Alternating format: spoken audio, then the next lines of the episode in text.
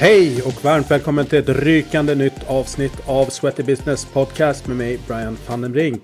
I det här avsnittet träffar vi Amanda Nydén som äger och driver online coachingföretaget mandyfit.se. Idag är Amanda en av Sveriges största och mest eftertraktade online-coacher som hjälper sina klienter att nå sina mål inom träning och kost. Hör om hennes resa från personlig tränare och elittävlande inom bikini fitness till att bygga upp en mycket framgångsrik och växande verksamhet inom online coaching. Hennes tankar om branschen, vad som krävs för att lyckas bygga upp en bra onlineverksamhet, sociala medier, branschtrender och lite annat smått och gott. Nu kör vi! Varmt välkomna tillbaks till Sweater Business-podden och jag säger stort varmt välkommen till Amanda, numera Nydén. Ja visst, hej! Jag har liksom Larsson har fastnat i min, jag min skalle. Så Ja. när jag såg, vi mejlade här i, i veckan så jag bara, "Am- just det, hon heter ju Nydén Nu numera. heter jag Nydén. Yes. Bröllop i Italien, förra sommaren, eller? Ja, nu i somras var det. Ja. Mm. Härligt, det Ja. såg eh, väldigt fint ut. Ja, det var, det var härligt. Det var fint. Ja. Ja. Jag har velat haft med dig i podden eh, tidigare. Sen eh, hade jag ju en annan podd med Erik Börjesson som heter Träningssurr. Där finns en intervju där du var med också. Så kände jag att ja, men låt det passera lite, lite tid emellan. Inte för att alla lyssnar på den som lyssnar på den här. Men, eh, men ändå också för min egen del. att Jag vet inte, kan det vara ett och ett halvt, nästan två år sedan. Liksom, så att det har Mm. säkert hunnit hända en hel del sedan Det dess. har det definitivt. Men eh, vi ska prata om dig och din, eh, din karriär i den här branschen och eh, ja men såklart ett lite specialfokus på online eh, business, online coaching som Mm. jag är väldigt spännande, spänd på att se liksom hur det har blivit sen efter pandemin. Ja. Eh, för att det exploderade ju. Eh, all online business exploderade under pandemin och sen har vi sett vissa businesser som har liksom ja, som har tappat mycket efter pandemin och sen andra som fortsatt gått, eh, gått starkt. Så Mm, ja, mm. grotta lite grann i det. Jag tycker träningsbranschen generellt sett, så här, gymmen, där kanske många som lyssnar på den här podden är verksamma, eh, försökte ta till sig digitalt och online.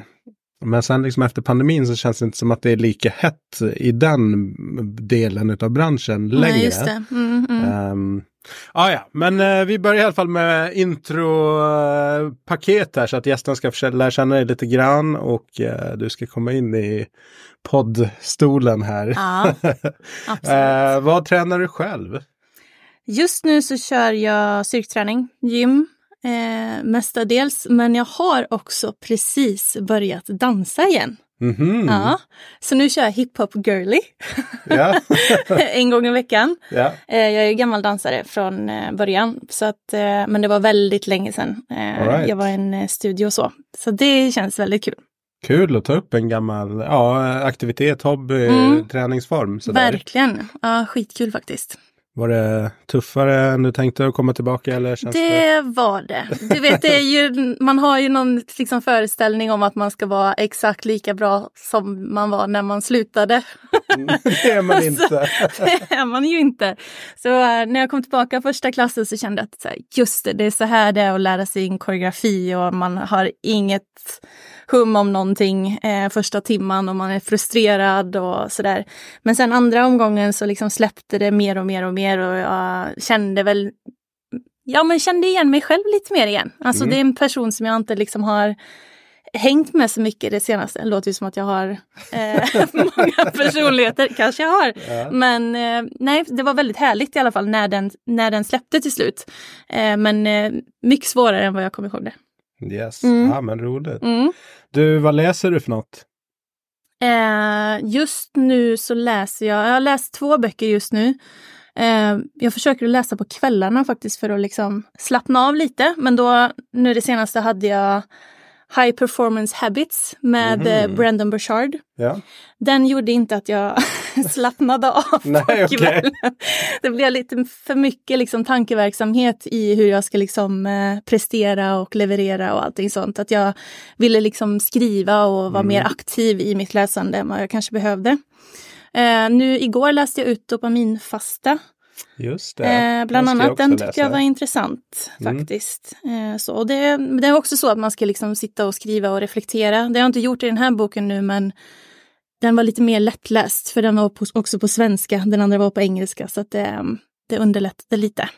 Så är det. Mm. Jag slåss med det. Jag vill läsa mer men får liksom inte, kommer inte in i tillräckligt ro på kvällarna Nej. för att liksom eh, läsa. Jag vet inte vad problemet är egentligen där. Men Nej, och jag tror, alltså för att jag har precis börjat nu sista månaderna egentligen för att jag ska liksom slappna av lite mer innan jag somnar. Eh, och jag tror att det kan också vara, för min egen del var det först att jag skulle liksom ta mig an så här många kapitel eller så här många Mm. sidor, men ibland så blir det ju bara tre sidor och sen så får det vara klart liksom, men då är det ändå någonting. Så, så det kanske är att sänka ribban lite där. Absolut. Ja men det är det. Sen är det ju som du säger, alltså läsa på engelska är ju lite beroende på vilken bok det är. Men det Ja. är ju en, det, du måste ju anstränga dig mer så att det kanske inte alltid heller är optimalt innan, Nej, innan precis. läggning heller med just engelskan där. Att man behöver tänka mer. Ja, tänker att det får bli min morgon där kanske. Ja. Vad lyssnar du på? Oj, jag lyssnar ju eh, mycket poddar lyssnar jag på, men eh, tänker vi musikgenre här eller? Nej, alltså, vad, vad har du liksom i lurarna när du får en stund? När jag får en stund, nej, men jag lyssnar mycket på poddar faktiskt som jag har i bakgrunden. Där är också mycket engelska poddar faktiskt Mm. eh, som jag lyssnar på. Eh, just för att få lite inspiration till marknadsföring, business, eh, träning också. Och ibland så är det skönhet, beauty. Eh, så när det kommer till poddar. När det kommer till musik så hamnar jag ofta i gammal hiphop typ. Det gillar jag. Speciellt när jag tränar så gillar jag mer hiphop Mm. style. Gammal som Snoop Dogg och Dr. Vad heter Dre och de här? Eller Men precis. Äldre? Nej, nej, men det är väl gammal för mig då kanske. Ja men nej men det är ju det. De, Det är ju de- nej, men de är gamla men de, de är typ 60-årsåldern. Ja, idag, precis. Nej men där och sen, men sen också lite tidigare eller så. Eh, så även eh, liksom de tidiga mm, låtarna från typ Jay-Z, Mm. Kanye. Eh, så så Ja. eh, det, de, det är ju några år sedan de liksom släppte sina första album. Men här då, om du fick vara en person för vilken tidsålder som helst under ett helt år. Vem skulle du då välja? Ja, den är ju svår den här eh, frågan. Alltså. Jag har funderat på den väldigt länge. Eh, den första som liksom dök upp i mitt huvud var ju min mormor. Eh, för hon gick ju bort när jag var ett år gammal och jag känner typ att jag har någon relation med henne på något Mhm. sätt. Så, Ja. så det jag, hade bara, jag bara väldigt nyfiken på hur hon var som person. Eh, så det är en sak. Sen så liksom slår jag ju tanken liksom bortåt mot någon artist eller sångare eller eh, sådär. Men jag kan inte riktigt välja vem det skulle vara. Kanske skulle vara Jay-Z ändå. ja, det är nog ett intressant liv. Ja, få testa och Ja. se liksom hur det livet är. Leva med Beyoncé. Ja. Spännande. Du, ehm, det här gör dig förbannad. Ja, eh, det gör mig förbannad. Eh, det är väldigt få saker som får mig förbannad, helt ärligt. Jag har svårt att bli arg. Mm. Eh, så. Jag kan ju kanske mer bli förbannad på mig själv när jag eh, ja, men är lite för eh, vimsig eller ostrukturerad, eh, vilket jag kan vara en hel del. Ja. Så, så då kan jag bli liksom förbannad på mig själv att så här, men nu får du skärpa till dig och du kan bättre än så här. Ehm, men ja, jag har svårt att bli arg faktiskt. Mm. En app som du använder mycket? Aura. Ah, okej. Ja. Den har kommit upp lite här i, i podden bland Ja. poddgästerna. Den verkar vara poppis. Mm. Aura-ringen, eh, den använder jag ju mycket. Eh, sen såklart Instagram, jag jobbar ju majoriteten från Instagram. Eh, så det blir ju också. Eh, sen har jag min egen app. Ja. det var den jag trodde skulle komma upp faktiskt. Jo, ja, jag är inte så mycket inne i den själv då. Det är Nej. ju mer kunderna som använder den. ja. Eh, när vi jobbar så jobbar ju vi från eh, plattformen via datorn ofta. Eh, så så att, eh, det, det är mer kunder inne i våran app. Men jag var tvungen att slänga in den där i alla fall. ja, såklart. Vad är det med Aura då för dig? Vad är det som eh, gör att du kollar? Jag kollar ju framförallt min sömn och återhämtning med ringen. För det är det jag har liksom strugglat med mycket senaste året. Mm. Eh, så här kan jag ju liksom tracka och se hur mycket djupsömn jag får. Eh, men också ja, men om jag är tillräckligt återhämtad dagen efter för att liksom ta mig an vissa saker. Alltså ibland så kan jag ju ha en känsla av att så här, men jo, det går nog. Jag kan nog få in ett träningspass idag, men så står det liksom att idag kanske är bättre att vila. Då tänker jag att det kan vara bra att testa och se. Mm. Om jag vilar nu, hur kommer det kännas då? Och ofta så är det ju så att det blir ett mycket bättre pass dagen efter om jag har haft den här vilodagen istället för att liksom pressat in det och sådär. Så att eh, det är mer, inte att jag följer den slaviskt, men att jag får lite vägledning och liksom eh, Mm. eh, guidning i det. Smart. Och HRV också, det älskar jag. Ja. Att kunna tracka. Jag slänger in.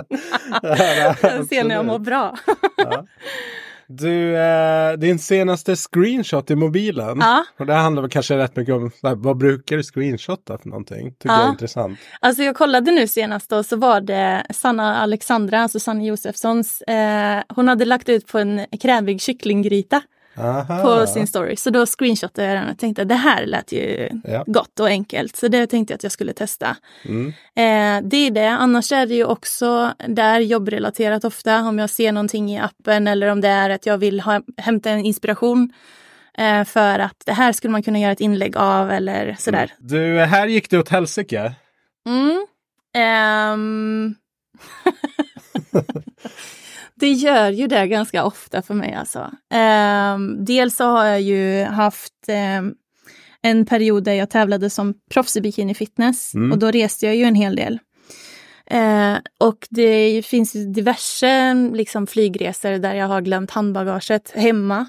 Eh, vi kan ta den sista som jag gjorde. Då skulle jag ju eh, till Korea, Sydkorea och tävla. Eh, för att det var liksom, vann jag den tävlingen så skulle jag ta mig till Olympia, liksom det största. Mhm. Så. Ja. Så jag hade ju satsats för fullt för den här tävlingen. Eh, och eh, jag och Jesper, då, min man, vi kommer till flygplatsen, checkar in.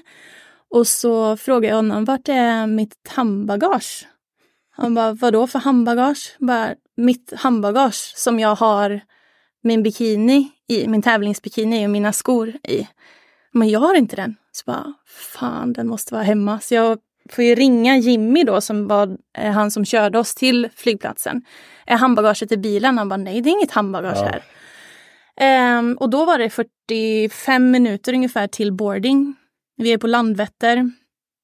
Eh, det, jag vet inte hur lång tid det är, om det är 20 minuter hem därifrån eh, Mm. till oss. Så jag får ju liksom springa ut till en taxi, fråga kan du köra fort? Han säger ja det kan jag. Bra, perfekt för du ska ut till Eriksberg, vi ska hämta en, en resväska och vi måste vara tillbaka här inom 45 minuter innan flyget går. För att det var det sista flyget som skulle gå den dagen som skulle ta oss till Sydkorea, annars så skulle jag missa Mm. eh, tävlingen. Helt enkelt. Det här var ju liksom livsviktigt för mig just då. Eh, men ehm, så jag satte mig i den här taxin och åker iväg. Han kör inte fort. Nej. Nej, det gör han inte. Så jag sitter ju och skriker. Ja, Kör fortare, fortare! Och, och jag liksom, du får tuta, du måste tuta på bilarna som flyttar på sig. Du får köra busslinjen. Blinka, blinka, blinka! Så jag sitter och skriker. Han bara, jag försöker men jag kan bli av med körkortet. Jag bara, ja i och för sig men alltså, du sa ju att du kunde köra fort liksom. Han kör så fort han kan då. Eh, så. Eh, men ja, hem, in i hallen står ju handbagaget såklart. Mm. Eh, så bara slänga sig tillbaka in i bilen och han får ju åka tillbaka och det är samma väg tillbaka liksom. Fortare, fortare! Vi måste hinna! Jag får ha telefonkontakt med Jesper och liksom säga så här, vi, nu är vi här liksom. Håll, eh, håll gaten öppen, liksom, säg till dem att vi kommer och sådär. Så han roddade med personalen på Landvetter och sa att så här, det kommer komma en tjej, hon kommer behöva springa igenom. Så de öppnade ju upp liksom VIP eh, Ah, gaten okej. då så att jag skulle få springa igenom. Så de visste att det kommer komma en galning här snart. Ehm, så jag kom och sprang liksom genom flygplatsen bara flytta på er. Men det gick bra. och gick jag bra. hann precis komma Ah. in till boardingen och sätta mig på planet och så åkte vi iväg. Mm. Men ja, det var väl eh, en av väldigt många gånger det gick åt helvete. Ja. Så eh, det är ju ett under att han ändå friade Om man Ja. säger så. Alltså han har ju blivit testad ett par gånger kan man ju säga. Vilket handbagage. Bara, redan där bara, nej nu är det något kaos Ja, gång. exakt. liksom. Inte nu igen. Nej. Liksom. Ja, så det var väl... eh, Ja, ja. jag känner hur pulsen själv steg och så bara sitter i en bil, taxi som inte kör fort heller. Ja, ja, det var hemskt var det. Ja, riktigt hemskt. Ja, Mm. roligt. Ehm, vad är ditt bästa återhämtningstips? Det är att gå ut i naturen, skogen. Eh, inte någon, någonting i öronen utan bara ta bort allt eh, surr, skulle Mm. jag säga. Det mår jag väldigt bra av. Yes, superbra. Eh, och sista här på öppningen är det här behöver träningsbranschen tänka om kring. Mm. Jag tror, alltså mycket har ju redan hänt inom det här området som jag tänker på. Det är väl att vi går mer från fitness till wellness kanske. Mm. Att vi börjar fokusera lite mer holistiskt på hälsa överlag. Liksom att vi ser på sömn och återhämtning som du också pratar om här. Eh, men jag tror att träningsbranschen kanske vi som är i träningsbranschen tänker väldigt mycket på det just nu. Men jag tror att vi behöver bli bättre på att prata ännu mer om det så att vi liksom får det ut till den stora massan. Mm. Att förstå liksom eh, insikten i hur, hur allting hör ihop och hur viktigt det är liksom att det är välmående på så många plan. Inte bara Ja. att du ser ut att må bra utan det ska må bra inifrån också. Så det tror jag är en sak. En annan sak som jag tror också som är, om vi kommer till online-coachningen så tror jag att ehm, vi skulle kunna göra så mycket mer om vi såg varandra som branschkollegor istället för konkurrenter. Eh, just för att eh, vi vill ju en och samma sak och det är ju att sprida hälsa.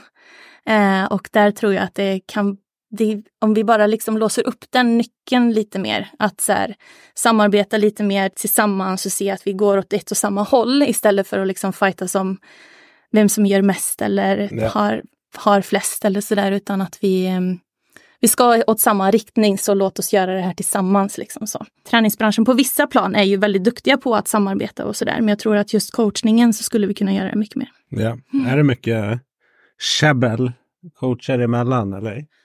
Nej, det skulle alltså inte som jag märker av. Eh, så. Det, det ska jag väl inte säga, men sen så tycker jag väl att här, det finns ju såklart eh, via sociala medier att det ska liksom eh, kastas skit på vissa för att det vill gärna misstolkas eh, och att det ska hängas ut och så vidare och så där. Och där har jag själv blivit väldigt påverkad över att eh, ta ett steg tillbaka och fundera över så här, kommer det här bli fel nu på något sätt? För vi är ju också bara mänskliga, så Ja. ibland så kan man ju ha skrivit någonting fel men det var inte så jag menade. Men att det då ska liksom spridas ut liksom ett hat kring den här personen så att den nästan ska bli cancelled. Liksom. Jag tycker inte det är rättvist. Nej. Liksom så så det, det tycker jag väl absolut att det finns ju vissa eh, personer specifikt som liksom jobbar på det sättet. Och jag tror inte det är rätt sätt att jobba på. Nej. Utan vi skulle kunna vara så mycket snällare mot varandra. För vi vet ju att vi vill åt samma håll allihopa. Mm.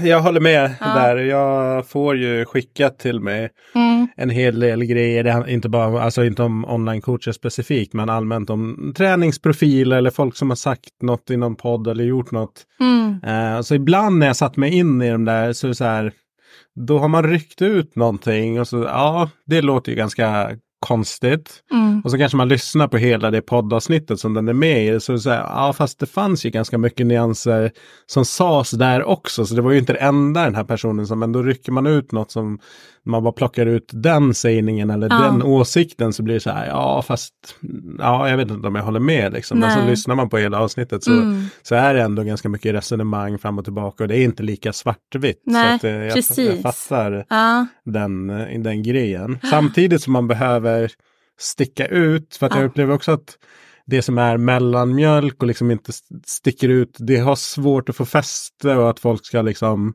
tycka att det är intressant på något sätt. Så, här. Mm, mm. Så att jag kan också förstå den som vill spetsa till saker för att då blir det liksom, ja, folk hajar till Ja. och sen kanske kommer någonting vettigt. Så Ja, är ja, självklart. Lite lurigt det- klimat där i sociala Ja, men det medier. är det. Men jag tror just den här cancel-grejen just, den... Eh, jag tror inte på att eh, trycka ner folk för att lyfta upp sig själv Nej. då. Eh, utan jag tror att man skulle kunna göra det så mycket snyggare eh, så för att utbilda folk, liksom, Mm. om det är det det handlar om. Eh, men jag är helt med dig på det här med att eh, Ja, alltså ibland så tar det ju saker ur sin kontext. Och det är ju det som är, och det är ju där vi också som tittare och lyssnare också behöver vara eh, källkritiska ibland för att se så här, ja, men betyder, är det här hela sanningen? Mm. För det finns ju liksom ofta en annan sida av myntet liksom. Eh, yes. Som man inte får med sig allt.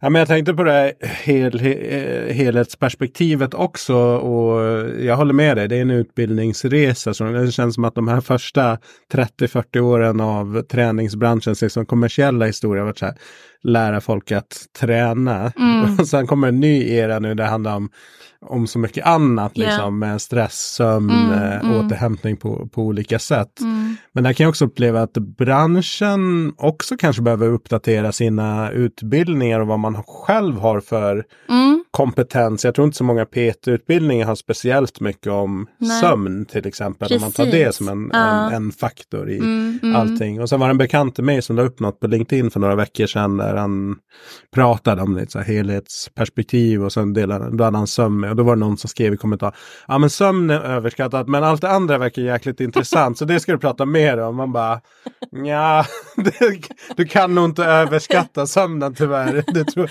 det är nog det mest basala grejerna. Ja. Nej men precis. Eh, Lenus har ju gjort en ganska häftig grej där nu. Jag vet inte om du har sett det? Nej. Nej. De har ju släppt en, eh, ny utbildning för PT online coacher som ah, är med en holistisk approach. Mm, faktiskt. Eh, ja, så de är först ut nu att utbilda eh, online coacher eh, inom det här. Just där vi ska få helhetsperspektivet på mm på allting. Så att det kommer vara eh, ja, men experter som kommer sitta i utbildningar med ja, men sömn, mental hälsa, eh, ja, men stress och liksom mm. allt sånt. För det är också det vi märker väldigt mycket på våra kunder att det är, det är väldigt mycket mer än eh, kost och träning som vi behöver hjälpa dem med och det är mycket depression och mycket stress och det är mycket utmattning liksom och sådär. Så att eh, det är på tiden att det börjar hända någonting. Men jag tror absolut att vi är något på spåret att med andra utbildningarna kanske vi kanske ska liksom lägga till några kapitel eh, med eh, Ja, de det andra. måste vi nog mm. eh, faktiskt. Annars mm. blir det lite så här gissande och egen Beprövad erfarenhet, absolut. Det kan räcka, men det kanske inte räcker till att lösa allas. Alltså man, så att, ja, när man behöver nog bredda perspektivet mm. äh, där och kunskapsnivån, tror mm. jag också. Mm. Och sen vill folk, upplever jag då, om man pratar slutkonsument, klient, ja. De vill gärna ha en lösning på symptomen som de har. De tycker det är jättejobbigt att inte kunna sova mm. eller någonting sånt där. Men det är så här, ja, men vad är det som orsakar det då? Du måste kanske gräva ganska, ganska djupt. Du kanske är i fel relation, kanske på fel yeah. arbetsplats. Yeah. Vad vet jag? Mm. Liksom. Det kan ju mm. vara ganska stora pusselbitar där som mm. till slut har gett utslag i att man faller ihop ja, på ett eller annat sätt. Ja.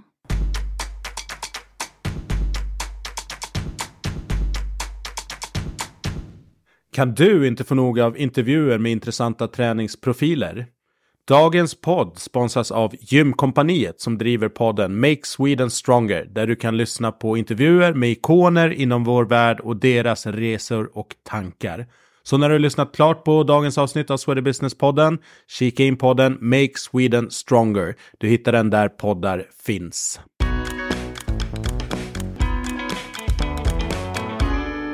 För de som inte har koll på dig då. Um jag kan bara säga, jag personligen jag tror det var definitivt på Instagram som du dök upp och då var det nog i din liksom eh, bikini fitness karriär. Mm. Eller liksom mm. någonstans upp, uppe i det och så, um, ja jag vet inte, så för, har jag liksom följt dig eh, så. Sen såg jag eh, omsvängningen med FCA då, till mm. mm. online coachingen. Så det var liksom den eh, den bakgrunden. Så att jag har liksom följt det under många år. Ja, fast... Kul! uh, ja, ja. men det är ju en del sådana konton eller personer som man bara, ja, men någonting fastnar och uh.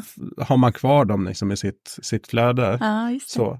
Men för de som inte har koll på din, eh, din bakgrund, jag vet att du är från Värmland i alla fall. Jajamän, och det hörs säkert också. Ja, lite ibland. ibland, ibland. Ja. Kommer aldrig bli av med den dialekten. Um, Ja, eh, jag flyttade ju till eh, Göteborg. Nu är det här med årtal som jag är sämst på, men 2011, 2012 kanske.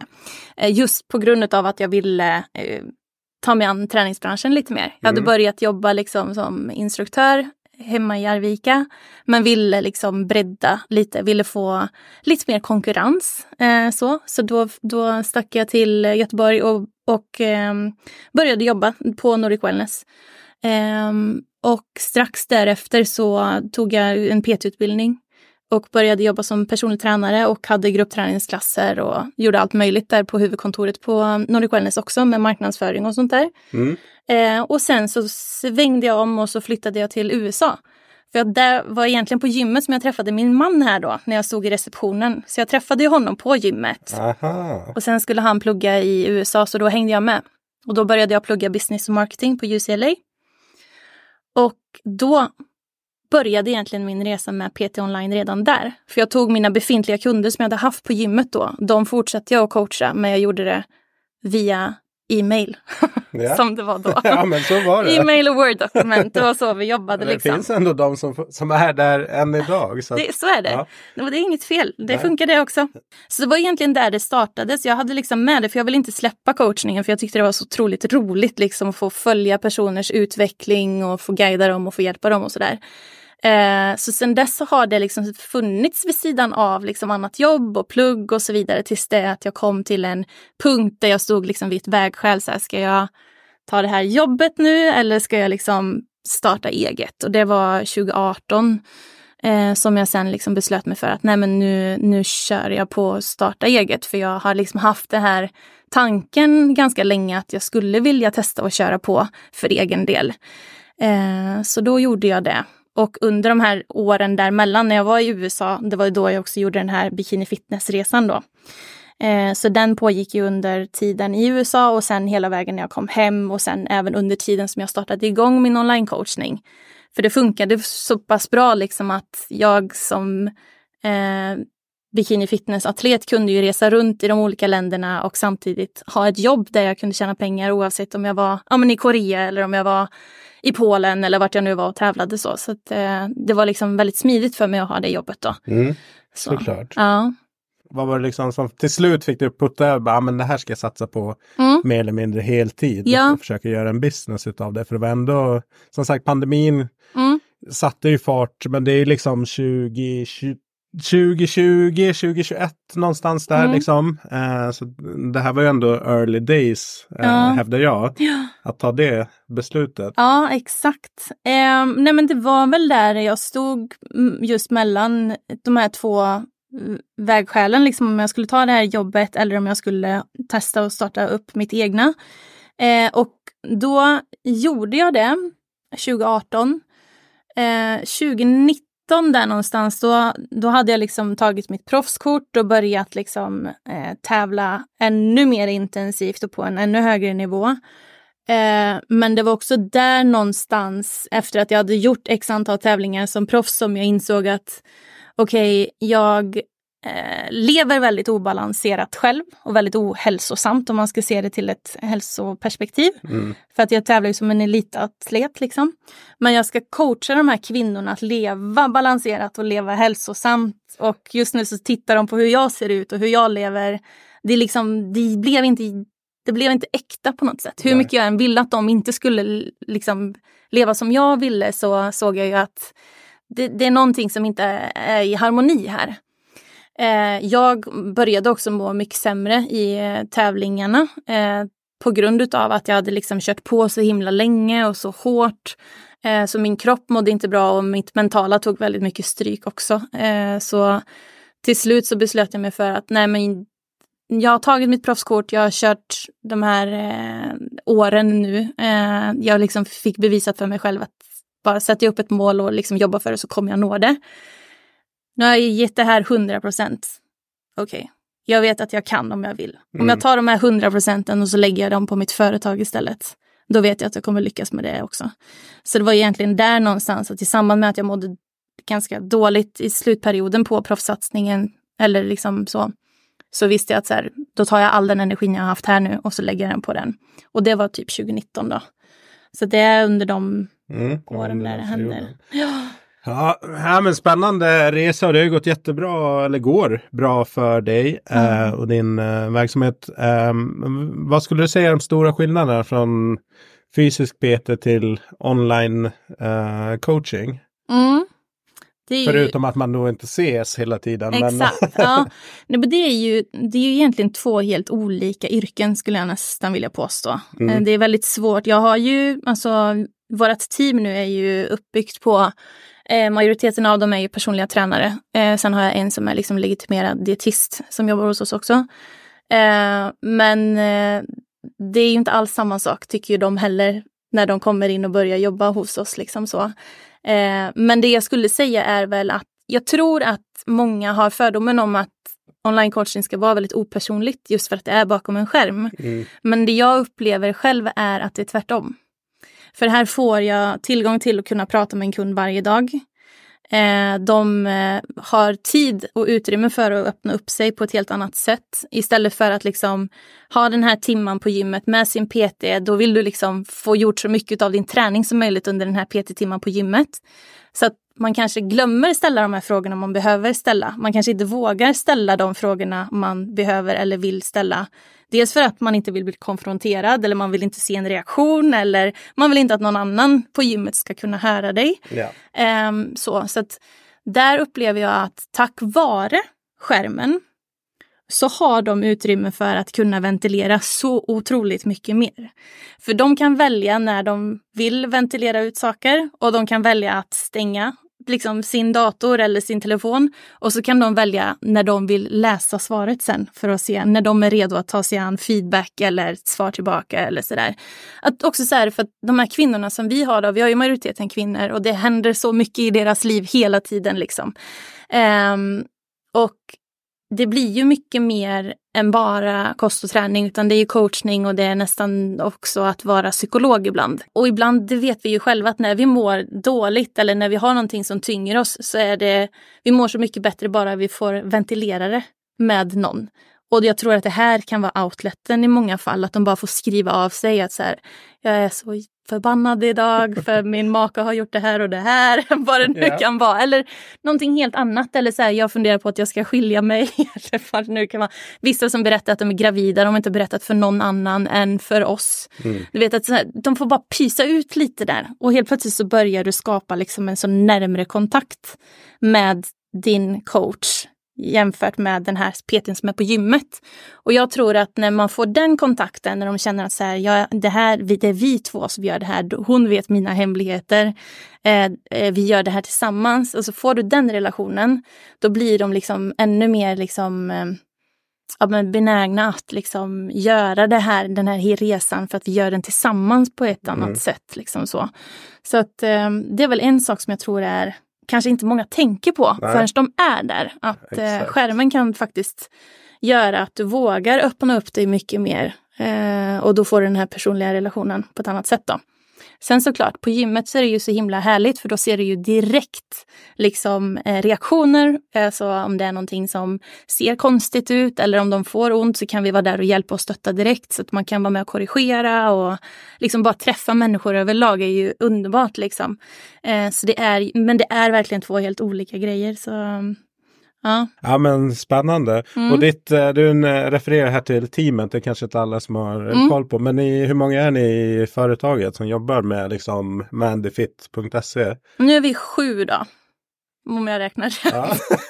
Kanske har tillkommit någon under tidens gång. vi har en ny tjej som har börjat här nu ja. precis. Det är jag och så har vi fyra stycken som sitter liksom eh, och coachar och sen så har vi ju en tjej som är första kontaktperson och sen har vi en content creator. Det blir mm. väl sju. Yes. Ja. Men för kunderna som signar upp, de köper egentligen ditt varumärke eller? Mm. Och sen eh, är det liksom ditt, du och ditt team som ja, jobbar ja, egentligen med, med, klienterna i, i kulisserna. Så att ja. säga. Mm. Nej men det var egentligen, för det, jag skrev faktiskt ut och frågade mina följare här för, eh, ja men det kanske är tre år sedan då. Att eh, nu märker jag att det är väldigt många som vill ha min hjälp. Eh, det är många kvinnor som vill ha olika typer av hjälp och jag kan inte allting själv. Nej. Så vad skulle ni säga om jag liksom skapade ett team här som sitter på olika expertiser inom olika områden så att vi kan hjälpa fler mm. och inom de här olika områdena. Och då var ju 99 procent sa liksom jag kör. Så det är så här, ja men de är ändå öppna för det här. Så låt oss testa. Eh, och nu tycker jag att det verkligen känns eh, superbra. För nu är det liksom ett team som verkligen gör det här som en familj tillsammans. Alla har exakt samma liksom eh, ja, men, värden kring liksom, vad är hälsa för oss? Vad står vi för? Hur jobbar vi? Vad genomsyrar liksom, i Mendifit? Men sen att vi också försäkrar oss om att här, varje kund som kommer till oss ska få den coachen som är bäst ämnad för just den personen. Yeah. Så det säkerställer också att så här, men kommer du och har vissa eh, problem vad gäller kanske kosten eller om du har någon sjukdom där du behöver liksom specifik kost eller så. Då har vi en legitimerad dietist liksom, som sitter där. Då är det inte jag som bara har en kostrådgivarutbildning som tar mig an det utan då vet jag att då görs det här verkligen till 110 procent. Ja. Liksom. Och sen när det blir kanske mamma mage och, och sådär att gravida till alltså efter förlossning och sådär. De kan också komma, men då är det den här coachen som du får istället så att du får rätt upplägg, rätt hjälp och kan liksom prata på rätt sätt liksom mm. med kunden så att det blir så vi säkerställer hela tiden att vi ska kunna hjälpa och erbjuda Ja, nej, men det är superbra. Jag blir alltid lite så fascinerad när jag ser. Det är klart att män kan kan hjälpa kvinnor. Men ibland känns det som att vissa kanske ser affärsmöjligheten och så marknadsmö ja, men vissa mm, manliga coacher som kanske marknadsför sig mot kvinnor. Yeah. Eh, och kanske till och med så här mamma gravid, alltså den, mm. den typen. Och så man, ja absolut, det går säkert att lä läsa på en massa, men det är ännu bättre kanske om man själv är i målgruppen och kanske dessutom har gen yeah. alltså upplevt yeah. samma grejer som en, ens klienter ja. eh, har gått igenom. Ja, nej men det håller jag med dig om. Ja, men det tycker jag är smart upplägg liksom. För det har väl kommit så, lite som en sån där, en del som kan kritisera online coaching, att bara, jo men det är egentligen bara en front och så sitter det en massa annat folk mm. som egentligen gör mm. det riktiga jobbet. Mm. Sådär. Men när du förklarar det så här också, mm. varför man väljer att göra det på det mm. sättet så känns det också logiskt och om man dessutom är öppen och, och mot kunderna. Ja, ja, verkligen. Alltså hur det funkar. Ja. Då, Nej, då ser inte vi... jag något problem med det. Det är ju ingenting konstigt. Nej men precis, där har jag varit väldigt transparent från första start. Liksom, att det här, om vi ska göra det här så ska vi göra det som ett team. Det är inte att jag anställer och har någon assistent liksom ska, ska sitta vid sidan mm. av liksom, och göra allt jobb. Utan alla gör lika mycket jobb här. Men att de blir tilldelade då, alltså en, en specifik coach för varje Eh, ja, men beroende på vad de behöver hjälp med just för att det är som så här, jag är inte expert, jag kan inte allt. Önskar att jag kunde men eh, det, går, det, funkar liksom inte så. Men sen så är det så här, speciellt med våra målgrupp då, med kvinnor så är det så mycket olika saker som de behöver hjälp med beroende på vart de är i livet. Eh, och kan vi då liksom hjälpa dem oavsett vart i livet de är, då är det guld liksom. Eh, så att jag tror eh, ja, men jag, jag, är väldigt nöjd över att vi har hittat den lösningen på det. Mm. Så nu funderar jag på att få in någon stresscoach kanske, ja. eller mental coach. eller, alltså, Där finns det en del att, ja. att göra. Ja.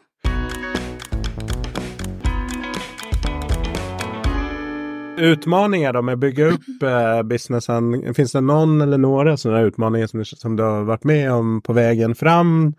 Och lite så här, hur har du knäckt dem? Jag tror att mycket sker ju liksom i ens egna huvud. Alltså så från att gå själv mm. till att börja anställa till att våga ta de här kliven egentligen. Det är ju de som är kanske de mest eh, utmanande egentligen i ett företagande oavsett om det är i den här businessen eller om det är i någon annan bransch eller sådär. Men att man eh, man, man upplever att man kommer till en punkt där nu tar vi oss hit men vi tar oss inte längre.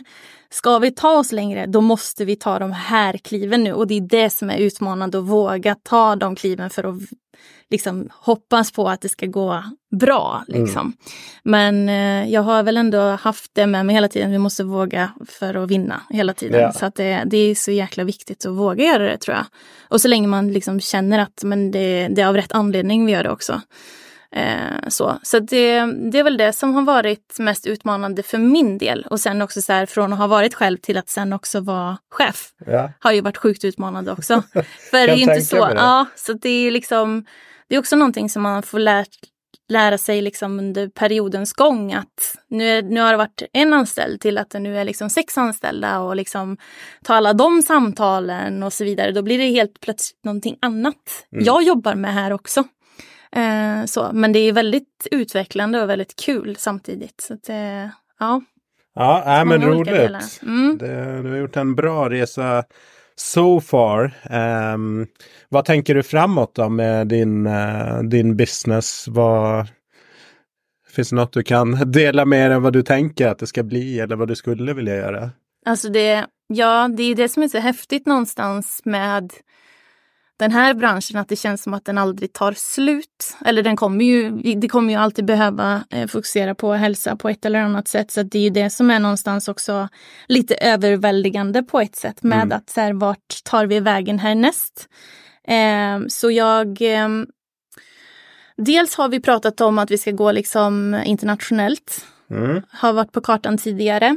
Eh, men sen har ju jag också haft någon sån vision liksom från första start att eh, vi ska bli större än Viktväktarna och att det, liksom, folk ska välja oss före allt annat. Vi ska bli så stora i alla fall så att de vet vilka män fitta är lika mycket som de vet vad Viktväktarna är. Ja. Liksom så så att det, det, vi ska vara, bli det valet eh, helt enkelt. Det är någonstans något som jag har sagt väldigt ofta. Ja. Eh, så.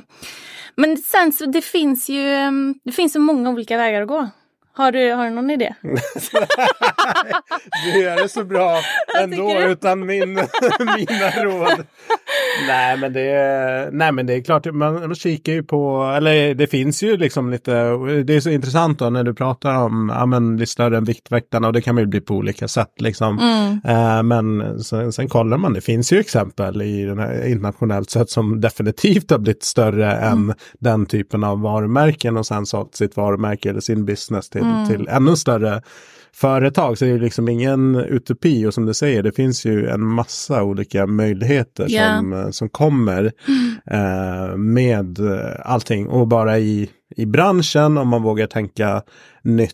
Många kanske eh, traditionellt sett att jag ska starta mitt egna gym. Liksom. Mm. Uh, det för många har varit och är kanske en, en, en dröm att öppna sin egen verksamhet. Men det finns ju så otroligt mycket annat ja. som man skulle kunna göra. Som du säger, marknaden breddas, det kommer nya målgrupper. Mm, mm. Paradoxen att fler mår sämre. Ja, Jag menar, alla barnen som rör sig ja. väldigt lite. Så att, uh. som sagt, om barnen är har de utmaningar redan där, hur blir det när de blir fullvuxna. Liksom. Ja. Så det kommer ju finnas att göra ja, helt enkelt. Ja, verkligen. Nej, men och det är väl där jag också någonstans jag är ju rastlös av mig som person också. Så mm. jag har ju kommit till den punkten nu när jag känner att så här, nu är det dags att vi liksom hittar på någonting. Ja. Eh, och jag, eh, nu har vi byggt upp det här och jag är jättestolt och nöjd över det. Och sen liksom vart vi tar vägen med liksom Mandy Fit och vad det kommer liksom bli sen efter det får vi liksom se. Ja. Eh, det kanske blir fler kontor runt om i Sverige eller så blir det att vi bygger vårt stora liksom i Göteborg, att det blir det som är.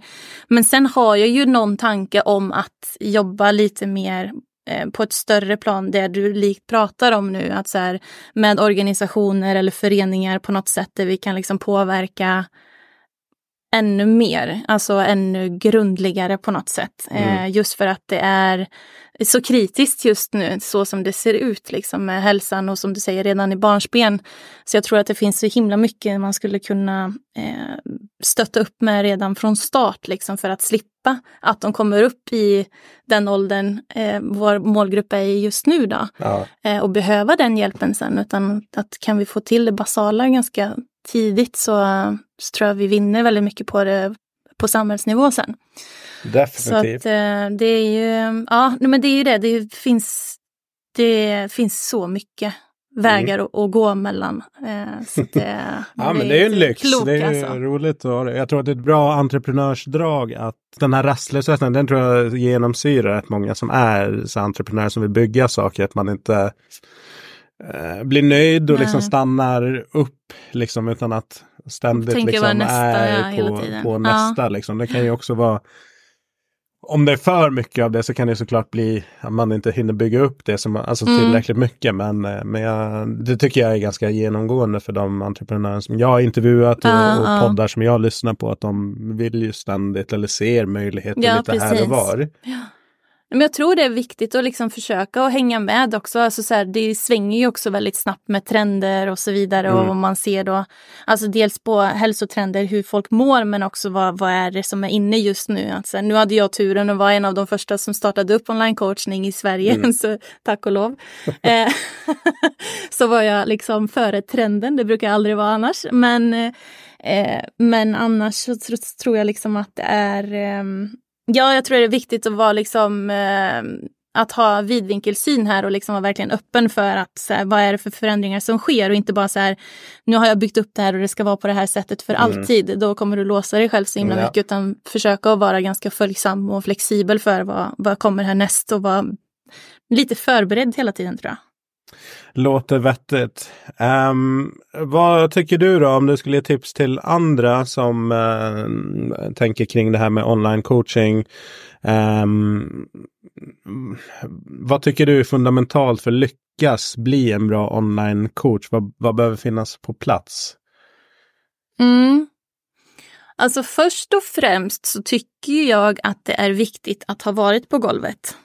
Just för att du ska kunna coacha eh, dem på ett så bra sätt som möjligt. För att det är viktigt att få se och få uppleva inne på golvet och på gymmet hur olika människor ser ut och fungerar och hur olika övningarna kan se ut och eh, hur du behöver korrigera och hjälpa och stötta och så vidare. Mm. Så jag tror att det är väldigt viktigt att ha den erfarenheten med sig innan man går in och kör online coachning. Sen kommer du behöva coacha med ord istället för att ja. kunna vara där. Och det är också en utmaning i sig då. Eh, men just med online coachning så för att lyckas där så är det ju viktigt att visa eh, dels eh, proof of content, att du, har, att du kan det du gör. Eh, det är viktigt. Marknadsföring, superviktigt. Mm. Eh, om du ska synas och höras liksom i en sån sociala medier är ju liksom, eh, det är ett enda surr där. Så det gäller ju att du sticker ut på något sätt i så fall. Eh, mm. Om du ska få ögonen till dig. Eh, men också, eh, jag tror också att det är viktigt än mer nu och jag tror att det kommer bli ännu mer så nu de här kommande åren att du visar också upp dig som person, vem du är, så att de får den här personliga kontakten. Eh, I och med att AI börjar komma ja. in här också så tror jag att det är ännu viktigare att skapa relation med kunderna även om det är online, så att de liksom känner att det här är du eller ditt team eller det här är liksom det här varumärket som jobbar på det här mm. sättet och sådär. Eh, så det tror jag är viktigt. Ja, ja. ja men bra, bra tips. Um, finns det någonting som folk tror om hur det är att jobba med online coaching som egentligen är tvärtom eller som är helt annorlunda än vad kanske fördomen eller ja, vad folk tänker att man gör om dagarna som online-coach? Men jag tror... jag tror att det är många som tror att det är liksom bara att starta upp en eh, plattform och sen sticka och sätta sig på stranden i Marbella och jobba och ha det gött. Liksom. Ja. Att, inte att man inte behöver jobba så mycket helt enkelt. Mm. Eh, det tror jag. Eh, men eh, det är inte eh, så att jag inte har jobbat för att liksom kunna starta upp ett team där alla jobbar heltid liksom för att kunna göra det här, utan det är mycket mycket jobb eh, bakom och mycket förberedande jobb eh, och så vidare om man vill lyckas inom det. Sen självklart kan man sätta sig på en strand och jobba online eh, därifrån också. Men då kommer du också till en viss nivå. Så det beror ju på vad man är ute efter. Mm. Är du ute efter flexibiliteten och den typen av frihet, då kan du göra det. Men om du vill liksom ta det till nästa nivå och liksom kunna om du vill också göra det seriöst skulle jag säga, då, då krävs dina timmar. Ja. Så är det bara liksom. Eh, absolut. Man kommer inte undan jobbet. Nej, det, det är så. Det är, är så. ju den. Ja, exakt. Sociala medier då? Mm. Uh, hur, hur viktigt är det för din business? För min del är det jätteviktigt. Mm. Uh, vi jobbar ju oerhört mycket med sociala medier och uh, men all marknadsföring gör vi ju via sociala medier med Facebook marketing och Instagram och så vidare. Så att det är viktigt för oss att synas där och höras där hela tiden eh, för att vi ska liksom vara de första i tanken när de eh, mm. ska välja coach. Eh, så det är ju lik vilken reklam som helst egentligen. Bara att du kan ju välja att göra den gratis och då kan du göra den via Instagram till exempel. Utan att ha betalda annonser och sådär. Så att ja, mycket jobb där. Mycket jobb. Um, vad, vad tänker du? Jag ser ju ditt uh, varumärke, hur jag, hur jag tolkar det känns väldigt, det känns jordnära är ganska nära liksom. Det känns inte som en jättedistans till klienterna. Ibland kan man känna att vissa sociala medieprofiler kanske lägger sig liksom väldigt högt ovanpå sidan. Alltså det blir mer så här. Jag har en massa kunskap som jag skickar ner, mm, ner på er. Det mm. känns lite jämnare så mm. och väldigt liksom, jag vet inte, friendly kommer liksom så här. Mm, vad härligt, upp, glad jag vad, vad har du för, eh, vad har du för tänk kring hur ditt varumärke, eller ert varumärke ska uppfattas, hur man ska ta emot Ja, det. men det är ju, alltså vi vill ju verkligen att de som kommer in till oss ska känna att vi är ett community tillsammans. Eh, men det skapades ju också i samband med det här som jag sa att jag slutade i min egen proffskarriär. Mm. Var väldigt i obalans och skulle hitta en hälsosam livsstil som skulle kunna vara i balans och kunna vara för resten av livet. Så att i och med det, jag har ju min kunskap som personlig tränare efter x antal år, men sen så är det ju en annan mental resa som du måste göra och en fysisk resa som du måste göra efter en sån satsning. Så jag fick ju i praktiken också, samtidigt som jag coachade alla, jag visste ju exakt hur jag skulle coacha dem, så var jag ju tvungen att själv också gå igenom den förändringen. Så jag tror att det har liksom genomsyrat så himla mycket att vi alla är bara människor. Vi vet exakt hur det kan kännas och hur det kan gå och det är helt okej okay om det går åt helvete ibland. För vi är bara människor. Alltså, mm. så att det är inte någon piska här över, överhuvudtaget utan eh, vi ska ju försöka hitta ett sätt som är hållbart. Och då behöver vi liksom lära oss längs vägen och vi kommer inte lära oss om vi är perfekta hela tiden heller utan det behöver vara att vi eh, ja, men, eh, går utanför en kostplan eller att det inte blev någon träning för att vi har varit förkylda och sånt. Men det är ju inte förrän vi har gått igenom alla de här perioderna som vi också har lärt oss, okej okay, hur ska jag tänka och hantera de situationerna för att det ska bli hållbart, för att jag ska kunna fortsätta den här eh, livsstilen även sen efter mina utmaningar kommer och dyker upp så. Så att jag, ja, välkomnande och liksom att det är mänskligt på något sätt skulle jag säga. Så det känns ju väldigt bra att du säger att det känns friendly. Ja, ja. och sen inspirerande såklart också ja. och utbildande men liksom på ett Ja, så jag kan tänka mig liksom eh, väldigt tilltalande för, för många. Mm. Um, finns det några baksidor då med sociala medier? Får du, jag vet inte, man har ju profiler som får hat eller liksom att folk skriver negativa grejer. Jag har inte sett någonting av det i ditt kommentarsfält. Så jag har inte plöjt igenom det liksom. Men, men finns det några baksidor med, med sociala medier för din del? Jag skulle säga att jag är nog alltså, ganska skyddad där. Eh, får inte jättemycket hat eh, faktiskt. Men jag eh, har ju absolut råkat ut för att bli uthängd för att det har misstolkats eller velat misstolkats saker och ting och sådär. Eh, och det är ju fruktansvärt när det händer. Mm. Eh, för man vet ju själv vad det är man har velat att de ska liksom tänka och att om jag, jag förstår vad det är jag menar och jag utgår ju alltid ifrån min egna kundgrupp när jag lägger upp någonting. Liksom att så här, det är för att jag vet att de behöver hjälp med det här så då, då pratar jag gärna till min kundgrupp och det har varit någon misstolkning där ibland.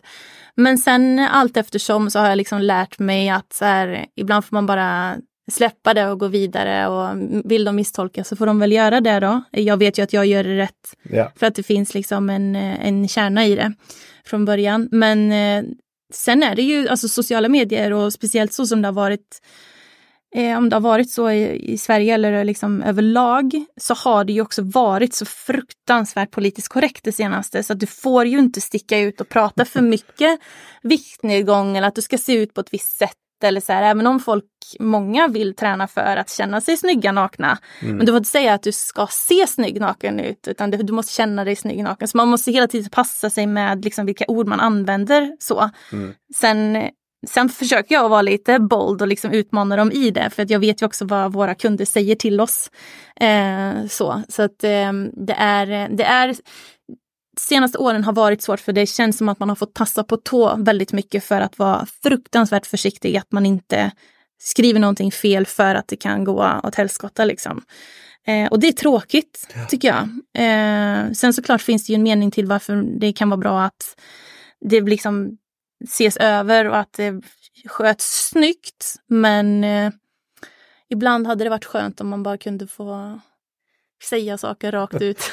ja, nej, åsiktskorridoren är smal ibland. Den är alltså. ju det. Ja. Nej, men det är det som har varit så, så um, jobbigt kan jag tycka, att man måste liksom verkligen välja sina ord mm. hela tiden.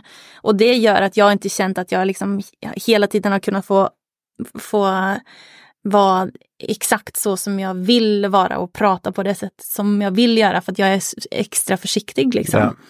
Eh, även inte för att jag skulle liksom stå med plakat och skrika massa saker rakt ut. Nej, men, men, ändå. Eh, men ändå mm. eh, så. Ibland vill man bara få saker sagt liksom. Eh, men eh, ja, misstolkning sker. Misstolkning sker och det är inte svårt att bli eh, ja, men, lablad som radikal eller liksom så här att man sticker ut för det mesta är ganska mm. snällt i alla fall på mm, vad jag mm. ser på de svenska yeah. kontona och så där. Yeah. Jag kan känna kanske att det sticker ut mer när man kommer uh. till så amerikanska. Det är mer loud, mer ja, ja, exakt. liksom, Nej, men gå det, på it. Exakt, och där ska jag väl säga liksom att det, det är ju inte jättemånga som vet det, men där, där kan jag få ibland så här att Eh, du hetsar till ätproblematik. Eh, du, jag har ätstörning och du lägger ut det här och du hetsar till, eh, till det och jag blir triggad och så vidare. Jag kommer ju själv från att ha haft problematik mm. med maten efter min proffssatsning.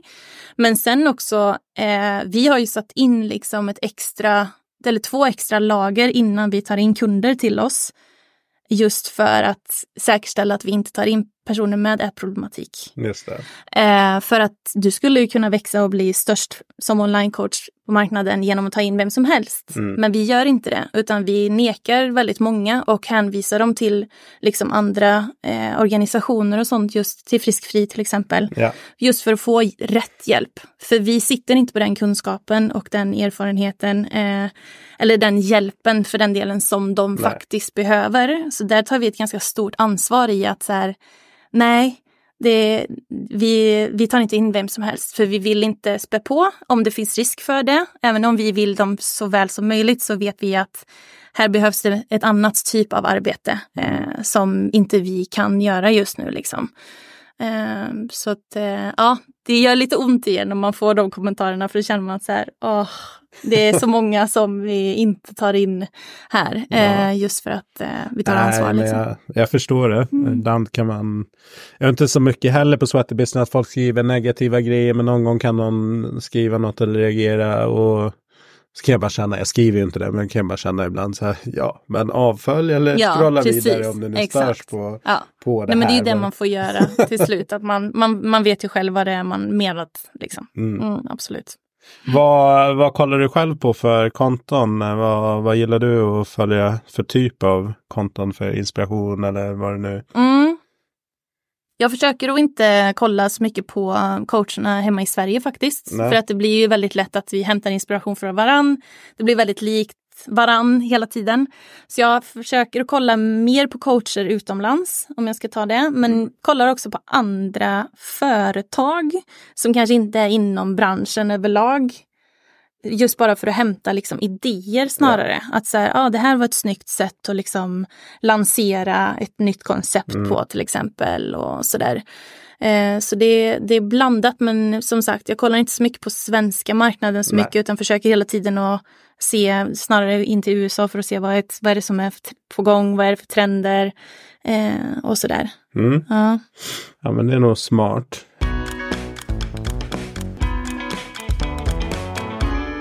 Det här tror många om dig men det stämmer egentligen inte. Mm. Vad skulle det vara? Eh, alltså när man har företag så kanske man förväntas ha lite ordning och reda eller? ja, det om inte annat kanske man får problem med någon skattmas eller någonting som tycker att man ska betala in moms och Ja, exakt. Ja, precis. Nej, men jag är ju inte den mest strukturerade människan. Eh, det är jag ju inte. Så det kanske är en sån sak. Men jag vet inte, för det känns ändå som att folk har lite koll på att jag är lite Ja, nej, det vet jag inte om jag skulle tolka, eh, ha tolkat som att du skulle vara nej. ostrukturerad. Sen kanske jag inte uppfattar det som om man nu har... Superstruktur. Ja, exakt.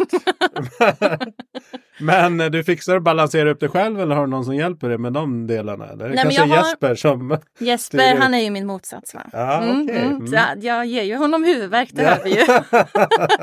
Nej, men sen så har jag ju faktiskt, alltså jag har ju, dels så har jag ju varit tvungen såklart att lära mig eh, så, men sen så har jag ju, dels har jag ju en eh, en som är teamansvarig alltså på företaget. Så hon, har, hon är ju också min motpol. Ja. Så att hon får ju mer ta sig an liksom strukturen liksom för teamet och så vidare. Och så mm. får jag jobba liksom med de andra bitarna. Eh, så. Så att, eh, men det kanske är någonting som folk inte tror. Att alltså, man måste ha liksom koll på läget hela ja. tiden. Ja, det behöver man inte ha alla gånger, men man, då får man ta hjälp istället. Yes. Det är väl det. Ja men det är bra. Om, om, om, eh, om, omringa sig med folk som, som är bra på sånt som man själv kanske inte är och liksom kan förstärka varandra ja, på det precis. sättet. Ja men det tror jag. Alright. Långsiktighet då, om vi pratar ur klientperspektiv, att få folk att Ja, men dels, oftast är det ju någon slags livsstilsförändring, man behöver förändra någonting, eh, träning, kost och liksom beteende sådär. Men att få det där långsiktiga, liksom, vad är din liksom, insikt i att verkligen få folk att göra det på lång sikt så att det inte bara blir de här mm. jag ska på bröllop eller de klassiska mm, liksom mm. tre månaders grejerna. Liksom, yeah. Jag ska på det här eventet, då måste uh. jag vara skitsnygg. Liksom. Ja. Det kan ju vara ett mål och det behöver inte vara heller någonting, någonting fel. Men, men eh, jag kan tänka mig också att många fastnar lite i det här. Mm, det blir väldigt projektbaserat. Ja. Precis, precis. Och det är väl där någonstans det väldigt sällan blir hållbart också. Att så här, vi vet ju att det är egentligen lätt att ta sig i form under en kort period om vi vet att så här, men nu har jag 12 veckor framför mig som jag ska köra. Du har ett väldigt nära mål mm. i framför dig så du blir ju automatiskt motiverad och nästan tvungen till att sätta igång ganska direkt liksom och orka hålla upp det. Eh, däremot så är det ju också många känner nog också igen sig i känslan när man står där sen och är klar. Att så här, okej, okay, hur gör jag nu då? Alltså det är det som blir den mm. största utmaningen egentligen. Att få den här livsstilen till att bli hållbar sen. Och väldigt sällan då när man har kört en sån kort period när det blir liksom strikt och hårt och kanske mer intensivt för att man ska liksom nå det här slutmålet mycket tidigare. Då blir det ju också att du lever en livsstil som du inte kan liksom hålla resten av Nej. livet sen heller. Så det är ju det vi jobbar med, att liksom ha kunder som kör längre hos oss just för att vi ska implementera livet i det hela också. Alltså det, eller snarare tvärtom, livet är där och vi ska implementera lite bra vanor och rutiner som liksom bara ligger där ovanpå. Men som inte stör utan som bara liksom tillför egentligen i, mm. i din vardag för att det ska bli hållbart och för att du ska lyckas över tid. Då. Eh, så så det, det är en stor utmaning för att det är ju lockande att köra de här korta intensiva men om man ska se det till det stora hela och liksom zooma ut då men hur vill du leva resten av livet? Mm. Vill du göra det här intensivt och göra det här intensiva liksom om och om igen? gå upp och gå ner eller liksom eh, leva på ett sånt extremt sätt eller vill du leva ett balanserat sätt och liksom eh, över tid eh, mm. få det att fungera. Men jag tycker att vi har lyckats där någonstans. Vi har kunder som kör hos oss just nu, de ligger i snitt på 10-11 månader.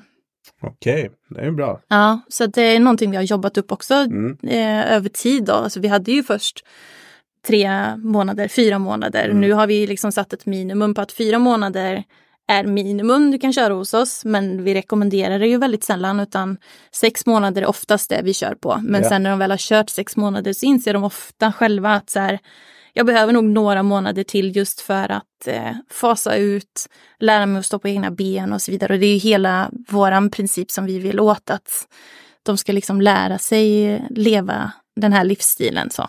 Ja, ja. exakt. Mm.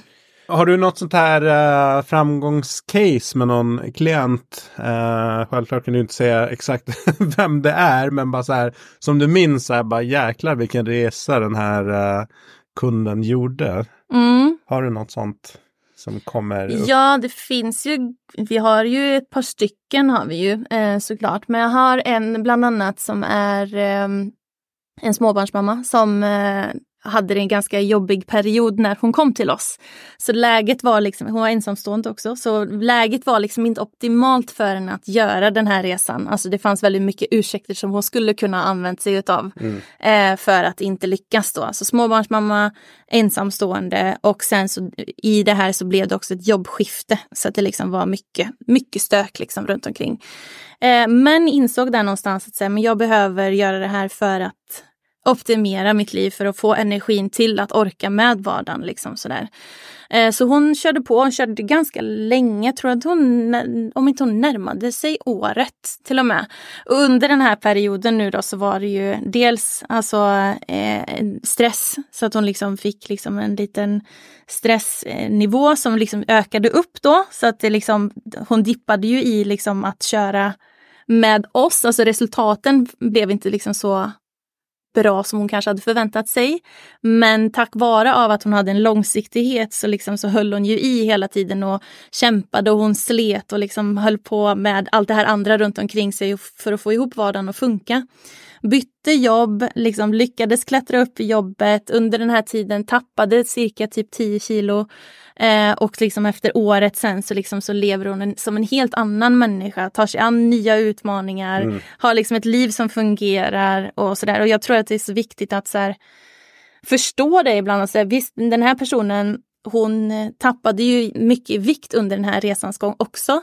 Men oftast de här kunderna som kommer till oss de inser ju att det är så mycket annat som ger dem. Alltså de får livsenergi, glädje, de byter karriärer, du vet de tar sådana andra personliga kliv som är så häftiga mm. att se och just den här tjejen var en sån person som vi lyfte då när vi eh, hade eventet förra året. Så var hon en sån person som vi eh, som vi lyfte så att vi liksom gav henne ett, en, en mm. nominering så hon fick ett pris för vi verkligen så här du har gjort ett sånt jävla jobb det här året. Så du är värd allt. Liksom. För att hon var så imponerande i att hon tog sig an alla utmaningarna ja. oavsett vad. Så, så jag tror att eh, det är ju en av dem. Sen mm. så finns det ju de som är så här, du vet de har aldrig vågat göra någonting eh, utanför sin comfort zone någonsin. Till att de sen liksom helt plötsligt skickar en bild och bara hej jag är och vandrar i Peru just nu. Helt ensam har de åkt dit. Och ja. då är det så här, hur hände det här? Men det alltså bygger upp som självkänsla liksom tack vare att de har mm. eh, de boostat sig med styrketräning och visat att de kan ta sig an eh, de här små delmålen successivt och helt plötsligt så vågar de testa nya saker och det öppnar upp ett mindset tror jag som får dem att förstå att så här, jag kan om jag bara vill. Typ. Mm. Ja, det är häftigt. Superhäftigt. Ja men det är ju inspirerande grejer. Jag personligen själv när jag jobbat som gruppträningsinstruktör och som PT och så haft lite sådana där typer av kunder som varit ja men inget självförtroende, mm. väger för mycket och sådana grejer till att ja men vissa som jag kommer ihåg som nu själva jobbar som PTs mm. ja. och inspirerar andra. Det är liksom för mig det som den största betyget man kan få. Liksom, att ah. man inspirerade dem och så att de tog egna kliv ah. och liksom, nu, nu håller de på att inspirera andra och lär ut allt som de kan och ah. har lärt sig genom så åren. Så fint ju. Trendspaning, jag är intresserad av att höra vad du tror. Liksom. Ser du några um, trender inom träning och hälsa nu som börjar utröna sig som du tror vi kommer se mer utav? Mm. Ja men jag tror ju just Ehm, det vi pratade om tidigare var ju just att eh, det blir mer ett holistiskt perspektiv på det.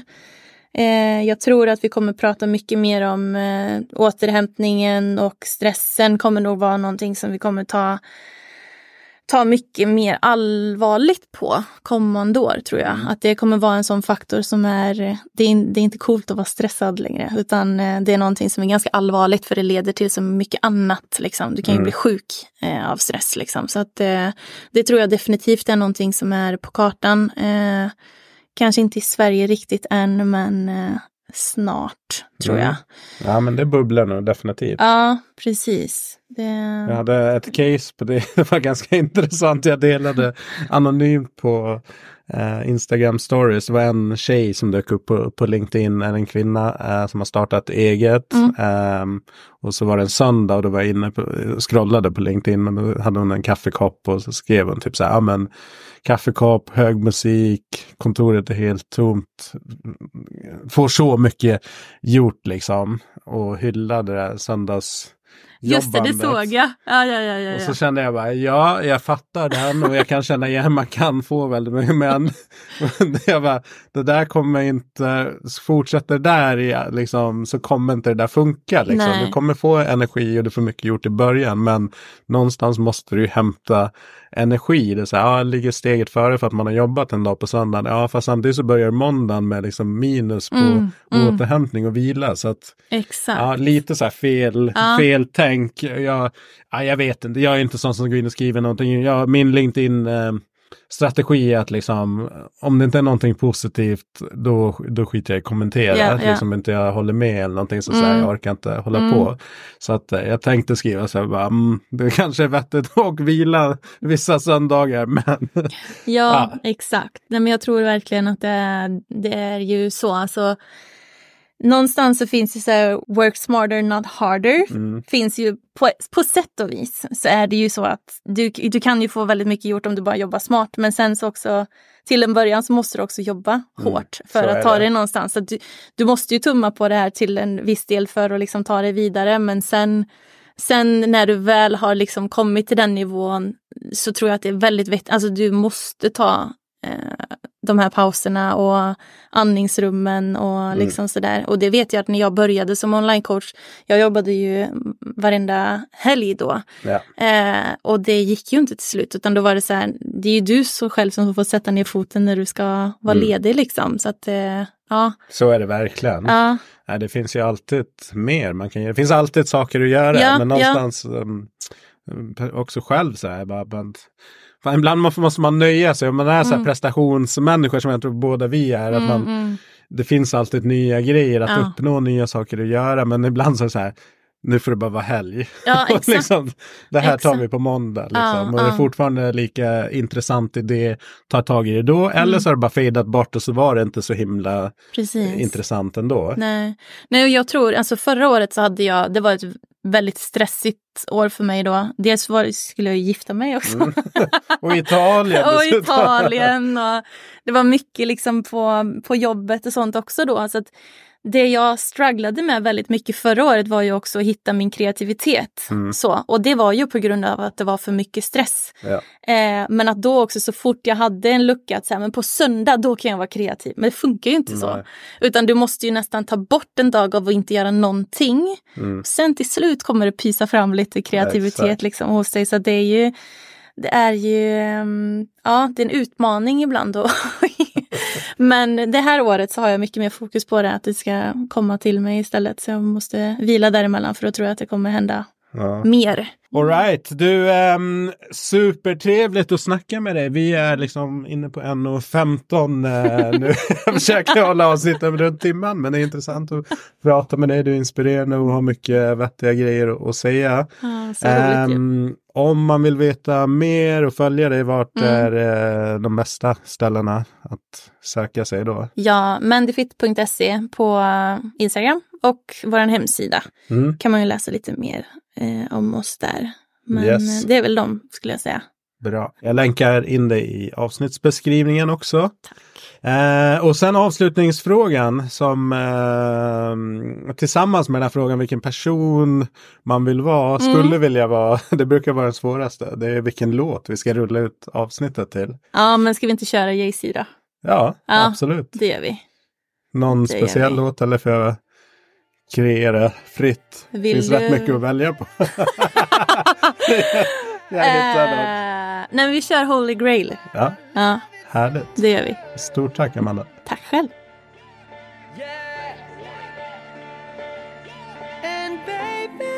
It's amazing I'm in this maze with you. I just can't crack your code. The next day you're so cold. One day you're here, one day you're there, one day you care. You're so unfair. Sipping from your cup till it runneth over. Uh, uh, Holy grail. Now I got tattoos on my body, psycho bitches in my lobby. I got haters in the paper photo shoots with paparazzi. Can't even take my daughter for a walk. See 'em by the corner store. I feel like I'm calling it off for enough is enough. I'm calling it so. Who the fuck I'm kidding though? I'm getting high, sitting low, sliding by in that big body, curtains all in my window. This fame hurt, but this chain works. I think back, you act the same person. If this is all you had to deal with, nigga, deal with this shit. This ain't work, this light work. Camera snapping, my eyes hurt. Niggas dying back where I was birthed. Fuck your iris and the IRS. Get the hell up off your high horse. You got the shit the niggas die for. Try yours. Why you mad? Take the good with the bad or throw the baby out with that bad for it. You still alive. Still that nigga, nigga, you survive. Still getting bigger, nigga, living a lot. Vanilla wafers in the villa, illest nigga alive. Michael Jackson's thriller. And baby, it's amazing.